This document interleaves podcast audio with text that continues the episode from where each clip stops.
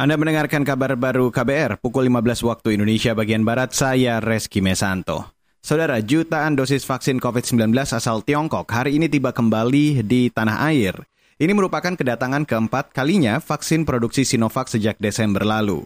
Sekjen Kementerian Kesehatan Oscar Primadi mengatakan, kiriman vaksin hari ini terdiri dari vaksin siap pakai dan setengah jadi.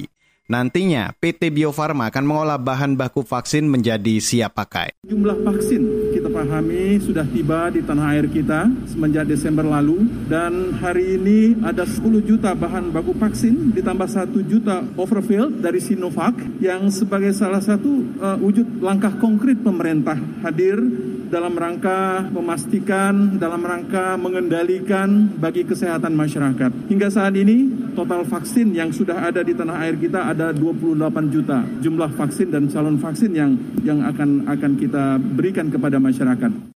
Sekjen Kemenkes Oscar Primadi juga kembali mengingatkan Kementerian Kesehatan bersama Badan POM dan Majelis Ulama Indonesia sejak awal telah melakukan kerjasama terkait keamanan dan kehalalan vaksin.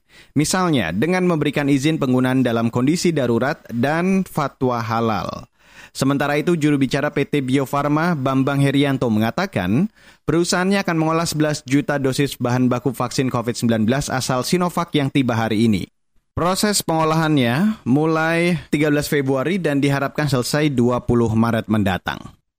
Beralih ke informasi selanjutnya, Saudara, Kementerian Komunikasi dan Informatika mencatat ada 1.400-an hoax terkait pandemi COVID-19 dalam satu tahun. Sedangkan hoax mengenai vaksin COVID-19 mencapai hampir 100 hoax. Koordinator Pengendalian Konten Internet di Kementerian Kominfo, Antonius Malau mengatakan, persebaran hoaks itu mencapai 280 kali dan tersebar di berbagai platform media sosial. Paling banyak hoaks menyebar melalui platform media sosial Facebook uh, rekapnya isu hoax COVID khusus COVID ya. Uh, sejak 23 Januari 2020 sampai 1 Februari 2021 sekitar satu tahun itu ada 1402 ya hoax COVID. Dari 1402 ini tersebar di berbagai platform media sosial. Ada sekitar tersebar di 2242 jadi cukup banyak. Jadi dari 1000 konten hoaxnya tersebar di 2000-an Kemudian data berikutnya kita lihat ini seperti saya jelaskan tadi ada 104 kasus yang telah uh, diproses untuk uh, pro justisia. Koordinator Pengendalian Konten Internet di Kementerian Kominfo, Antonius Malau, menambahkan,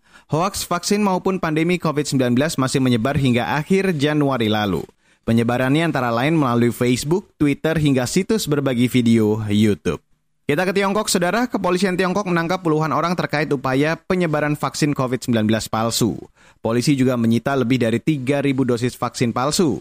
Mengutip kantor berita Xinhua, penangkapan lebih dari 80 orang itu sebagai bagian dari kampanye memerangi kejahatan terkait vaksin.